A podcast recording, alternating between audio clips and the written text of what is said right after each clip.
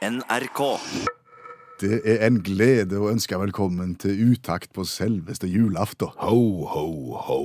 Dette har vi aldri gjort før. Ho, ho, ho. Masse godt humør skal det bli. Ho, ho, ho. Kan du si noe annet enn ho? Ja, jeg kan jo det, men det er nødvendig. og i kveld så er det jo mange som skal ut og bedrive nissing. Og- Og der er det jo en del fallgruber som de aller fleste går i opptil flere ganger. Det er ikke enkelt. Nei, det er ikke det, for da er det gjerne sånn du har eh, spist julemiddagen, og så finner bestefar eller far plutselig ut at de må ut og vaske bilen. Ja, på kveldstid. Eller noe sånn. Så går de ut, og på mirakuløst vis så kommer plutselig nissen bankende på døra, med de samme lakkskoene som bestefar eller far hadde når, de gikk ut for å vaske bilen, og så har de fått et litt rart ansikt. Det, ser ut som det er lagt av papp, og at du kunne kjøpe det i en butikk for 19 kroner og, og 90 øre. Og så tror de at ungene skal gå på. Gjør ikke det? Nei, de gjør ikke det. Nei. Men hvordan kan vi løse det? Det kan du løse med kryssnissing. Ved hjelp av kryssnissing. Ja, det vil si, du går, istedenfor å vaske bilen, ut for å nisse hos noen andre som har behov for nissing. Og ja, du nisser ikke hos egne folk? Nei, du, du nisser ikke hos deg selv, eh, du, du nisser hos noen andre, og så får du disse andre til å stille med nisse hos deg. Og, og da kan jo du til, til og med være til stede, du slipper å gå ut og vaske bilen akkurat når nissen er der. Og dermed så vil kryssnissing eh, fungere optimalt. Og dette har jeg prøvd i, i praksis. Ingen har gjort større inntrykk på de små ungene i juleselskapet hos oss enn når det kom en de ikke hadde sett før, og som i tillegg hadde ekte skjegg. Nei. Jeg har veldig dårlige erfaringer med kryssnissing, jeg. Hva? Det går ikke an å ha dårligere erfaring enn lakksko og pappmasjémaske til 19 kroner eh, og nisse hos seg sjøl. Der er, der er fallgruber med kryssnissing òg, skjønner du. Hva da? Jeg hadde avtale om kryssnissing med naboen. Naboen kom først til oss, Ja. og naboen hadde lagt veldig mye arbeid i dette. Naboen kom i vadmel og langt skjegg og genser og hadde lagt seg til en sånn en nissedialekt. Som var utrolig troverdige og dypt nede i og, Oi, oi, litt sånn, sånn Snekker Andersen, Ja. Alf Prøysenland og sånn. Der ble trolsk og vakkert i stua, og ungene har aldri opplevd maken. Nei. Og der satt jeg og observerte og grudde meg mer og mer til at jeg skulle inn til hans familie etterpå. Ja, du hadde ikke selbuvotter, og du hadde heller ikke vadmel. hadde lite, og han hadde lagt ei list som var så høy at det var umulig å hoppe over. Men jeg måtte jo ut, og jeg kledde meg i, i det jeg hadde av vadmelslignende ting, Ja. og stålsatte meg og ringte på døra. Og ungene kommer ned, åpner døra, og det er da jeg gjør feilen. Er det da du skifter dialekt? Det er da jeg skifter dialekt. Hva var det første du sa til ungene? Idet ungene åpner døra, så utstøter jeg høyt og støyende 'Hallaien, unger!' Du gikk over på bergensk, På bergensk, ja. Og, og for alle som ikke vet det, eh, du kan ikke bergensdialekt utover å si 'halla igjen'. Nei, og, og og, nissen snakker jo ikke bergensk. Det er ikke som har grunn til å tro, iallfall. Nei, Nei. og jeg, jeg aner ikke hvorfor jeg gjorde det, men jeg gjorde det. Og jeg ser jo en, en kombinasjon av frykt og skuffelse i øynene på ungene, Ja. For dette hadde de ikke venta. Og så må vel du eh, opp i annen etasje der hele familien sitter, og så skal du foreta ditt embete med pakkeutdeling. Ja, da har, du, har du begynt på bergensk, så må du fortsette på bergensk. Ja. Og, og, og svetten renner på ryggen, og det sitter sikkert 15 mennesker oppe i stua der og gleder seg til nissen skal komme. Og jeg tar av gårde på dårlig bergensk. Eh, og bare for å ødelegge julestemningen nå for de hundretusener som nå sitter og hører på på radioprogrammet Utakt, hvordan hørtes du omtrent ut? Halla igjen! Har du vært kjekk? Har du vært grei kar i dag i år, da? Og du da, lille venn? Hvordan er det med deg? Har du Nå, så jeg, nå, nå er dette skjegg over han, far! Nå, nå. Og jeg var så varm, og jeg var så glad når det var over. Ja. Men hvis du nå vet at du skal ut og være nisse i dag, og har sjansen til å bedrive kryssnissing, så gjør det. Men uansett skal du nisse i egen familie eller andres, ikke tur i gang på et dialektføre. Som verken du eller nissen kler. Da har vi han, du. Den er nøttebrun. Da trenger du ikke tenke på det mer. God jul. Halla igjen. Nå, nå går jeg hjem. Ikke så veldig mange timer igjen nå. Jeg vet at eh, det begynner å røyne på med tålmodighet hos mange. Pakkene skal deles ut. Ja, og slekter med ulik tilnærming til hvordan vi skal dele ut disse pakkene, samles i kveld i harmoni, eller disharmoni. Det er derfor vi har tenkt å ta opp temaet julepakkeutdelingskutyme. Ja, for, for det er jo sånn at slekter skal følge slekters gang i julen, og kanskje er du sånn at du gifter deg da med en partner som kommer med en helt annen håndbagasje når det gjelder hvordan vi skal dele pakker, enn det du sjøl gjør. Og så må du som ny slekt finne din måte å gjøre det på. Og vi føler vel at vi sitter med fasiten. Ja. Det må vi vel få lov å si. Ja, Hvis vi skal bruke håndbagasjebildet ditt altså, Vi har på en måte funnet formelen for hvordan du kan stue denne håndbagasjen mest mulig fordelaktig for alle. Ja, for det er jo de som sverger til at pakker de skal deles ut i en engang. Det vil si at alle samles rundt juletreet, vi bare ser på den store haugen av julepresanger, og så hiver vi oss over presangene som om de var mat og vi ikke hadde spist på en måned. Sånn vil vi ikke ha det. Nei. Nei. Vi ønsker en rolig, verdig utdeling der du har én sentral utdeler som går ut til de forskjellige som får presang, som i sin tid pakker rolig opp, eh, takker for det de har fått, før en så går videre. Ja. Og det som er en essensiell bit av akkurat dette, det er barnet. Barnet er veldig, veldig viktig i utdeling av pakker. Ja, det er barnet som skal dele ut pakkene, og dette barnet må være skreddersydd for oppgaven. Ja. A. Barnet må ikke være for ungt. Barnet må være lesekyndig, Ja. og ikke bare litt lesekyndig, men skikkelig lesekyndig, for det er ofte veldig vanskelig å tyde det som står på lappene. Ja. Og- B. Barnet må ha en organisatorisk ja, kan du si, egenskap det- der de er i stand til å se utover bare den neste pakken. Mm. For barnet må på en måte planlegge sin utdeling med tanke på at alle skal bli sett, og alle skal bli involvert i utdelingen. Ja, for det som er den store tabben her, det er jo at du plukker en presang. Å, onkel Karl. Vær så god, onkel Karl. Neste presang. Oi, onkel Karl igjen. Tredje presang. Onkel Karl. Så er det noen som ikke får presang på lang tid, og onkel Karl får hele veien. Og verre enn det også, det er hvis barnet plukker presanger til seg sjøl. Ja. Så, så, så dette barnet må altså være i stand til å se ut over den enkelte pakke, og dermed fordele pakker sånn at alle får til enhver tid. Det er vel de to viktige elementene vi ser skal være med når du deler ut pakker. Og til slutt, takkingen. Ja, la oss gjenta det. Vi får pakker. eh, Vi pakker rolig opp. Vi blir glad. Vi sier tusen takk. Men vi gjør ikke så mye ut av takken der og da, for da tar det for lang tid. Ja, som du sier, du bare viser at dette var kjekt. Og så, når alle pakkene er ferdig oppakt, så tar du takkerunden. Da går du bort, gir på klemmer, eh, trykker hender og sier tusen, tusen takk for presang. Det trenger ikke være verre enn det. Nei, med mindre det er en familie med 50 familiemedlemmer. Da gikk den kvelden. Da hiver du deg bare over pakkene og pakker de opp så fort du kan. De tre vise menn. Ja, det er Balthazar, Melkjord og han tredje. Han sistemann. Mm. De gikk og de gikk og de gikk, og de fulgte stjerna, og de kom til Jesusbarnet med Gull og harpiks.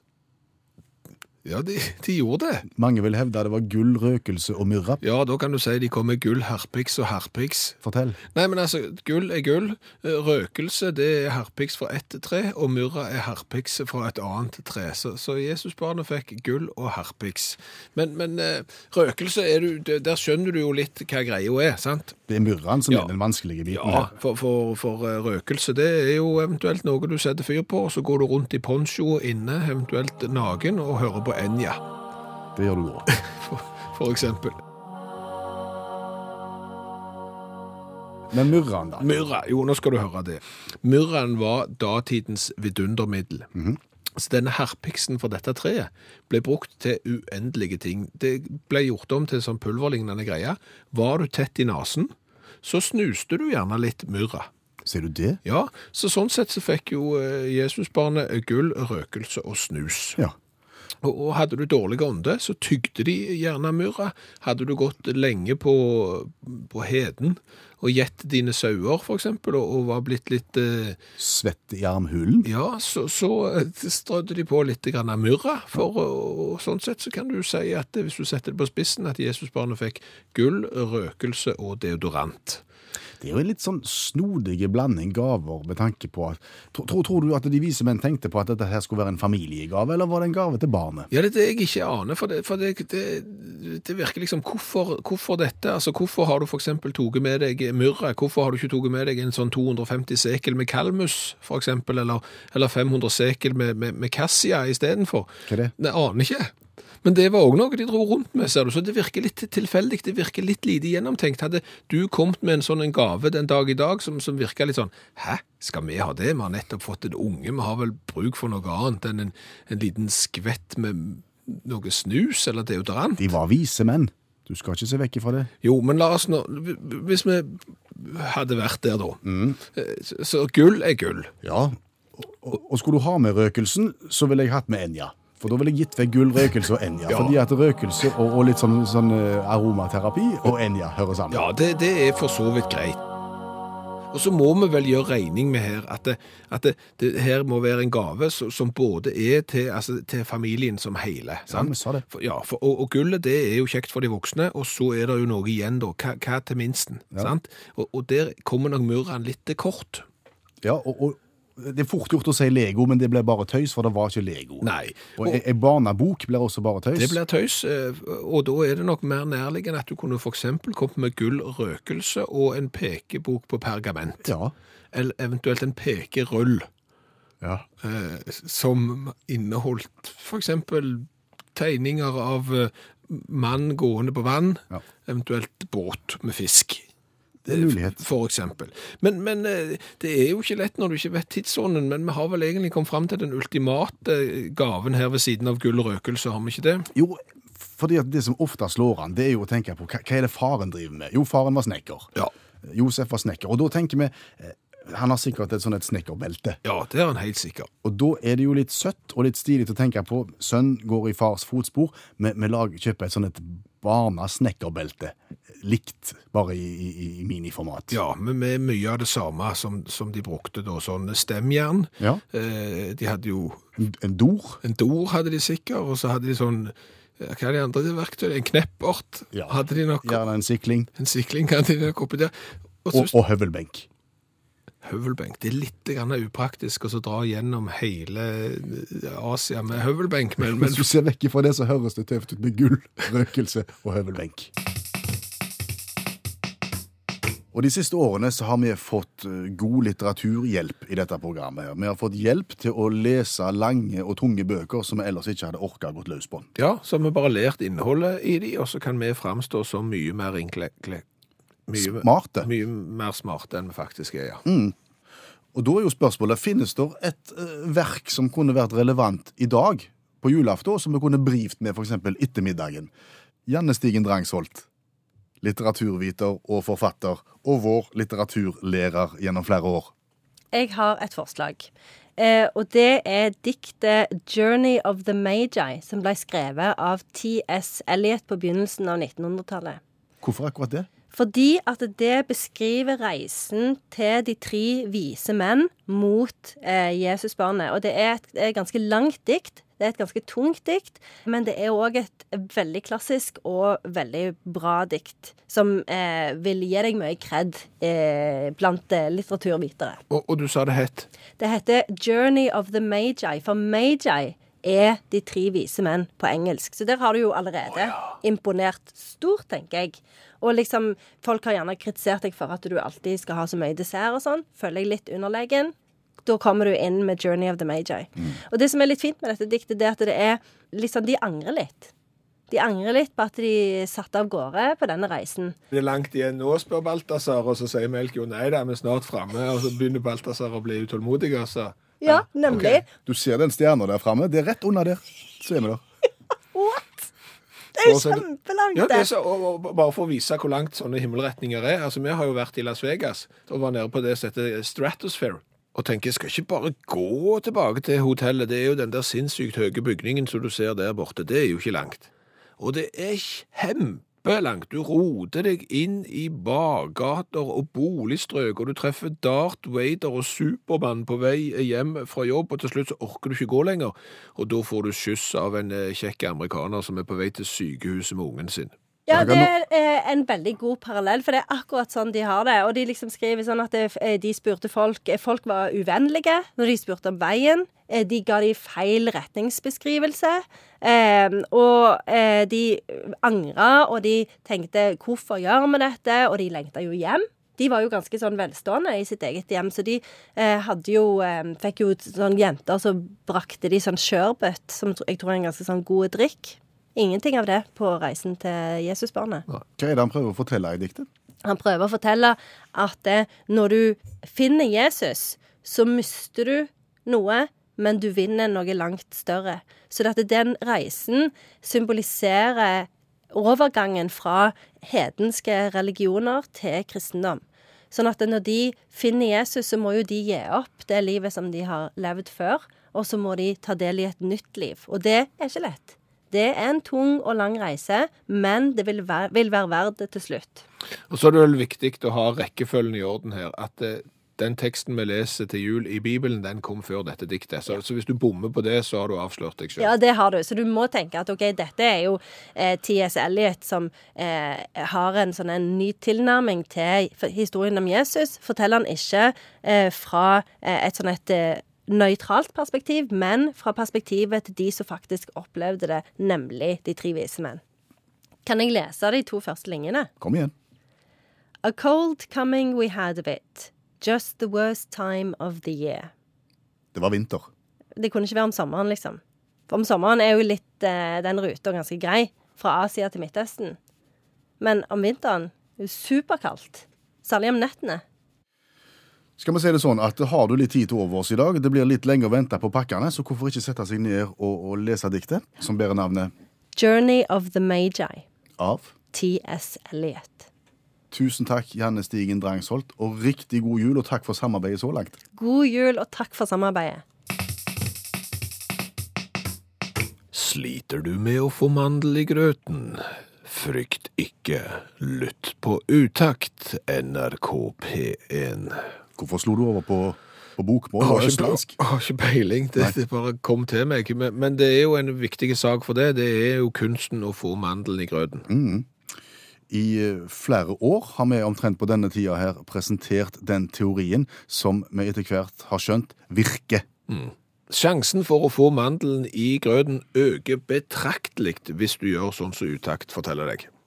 Jeg har prøvd metoden faktisk flere år på rad nå. Jeg var jo blant de som aldri fikk mandel i grøten. Nei. Men så fikk jeg høre om den nye teorien, og begynte å praktisere den, og har vunnet mandel to år på rad. Ja, der ser du. Og dette er jo en teori som frisøren har uh, utleda. Ja, Frisøren utleda den, eller det vil si, han var frisør. Ja, han, han var frisør eh, helt til han fikk eksem. Så fikk han hovedfag i kjemi, har òg matematikk. Har da gått sammen med kollegaer som har eh, studert eh, fysikk. Og, og dette kollegiet her har jo utarbeida en ganske sterk teori. Oddgeir Sverren presenterer teorien som han har kalt Mandelkjerneteorien. Og den går kort og greit ut på Nei, Det sier noe om hvor en kan forvente at mandelen er plassert i en tilfeldig gitt skål. Dette høres lovende ut, fortell meg. Ja, altså Vi har gjort en liten undersøkelse hvor vi har eh, kontrollert og sjekka med et tilfeldig utvalg mennesker. Over 50 eh, plasserer mandelen litt til høyre for midten når de danderer og lager til grøtskålen på julekvelden.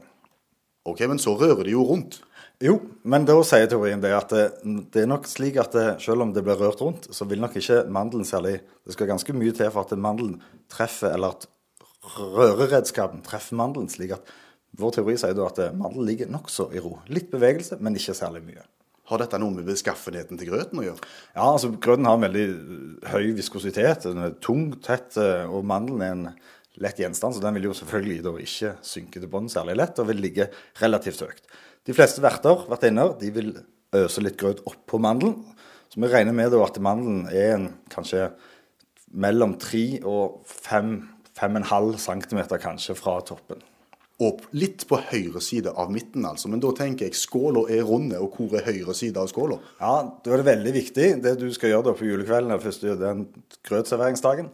Du må følge nøye med. For Tenk deg verten står foran skålen, legger den til høyre, rører litt rundt. og Så tar hun selvfølgelig på høyre side av skålen og bærer inn. Så du må se hvor er den høyre siden av skålen når verten kommer inn.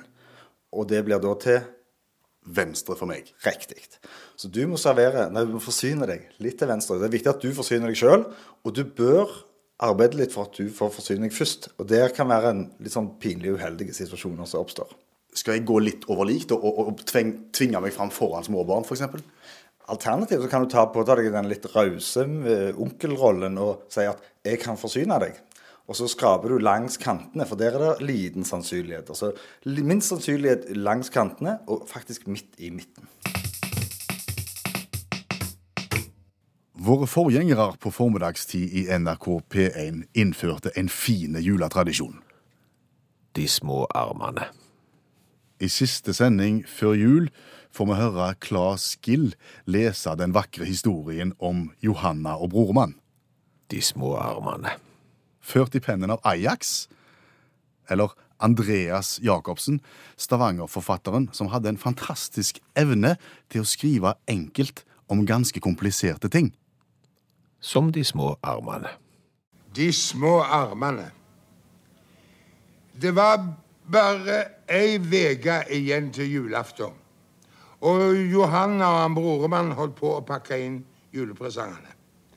De sang mens de gjorde det, for ingenting er så godt å pakke inn etter som en god og gammel julesang. Ikke noe lager som vinner bretta på papperet så deilig er jorden.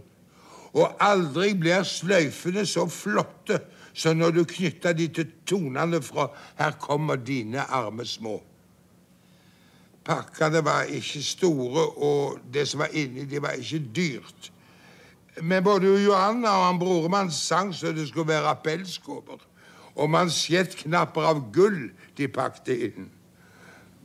Plutselig stoppet han broremann og så grunnende på Johanna. Og og Johanna, som kjenner blikket, eh, var med en gang klar over at hun kunne forberede seg på å besvare vanskelige spørsmål. Hvorfor er det bare de små armene som kommer i stall at gå? spurte broremann. Johanna, som ikke var riktig med på notene, klydde seg på leggen, noe som gjør svært godt på tenkinga. Bare de små armene, sa hun for å vinne tid. Ja, nettopp de små armene. Han broremann hørtes utålmodig ut. Vi sang jo nettopp 'Her kommer dine arme små'. Johanna klydde seg på leggen igjen, svært lenge denne gangen. Arm betyr fattige, sa hun da klønga begynte å virke på fantasien. Nå lyger du godt.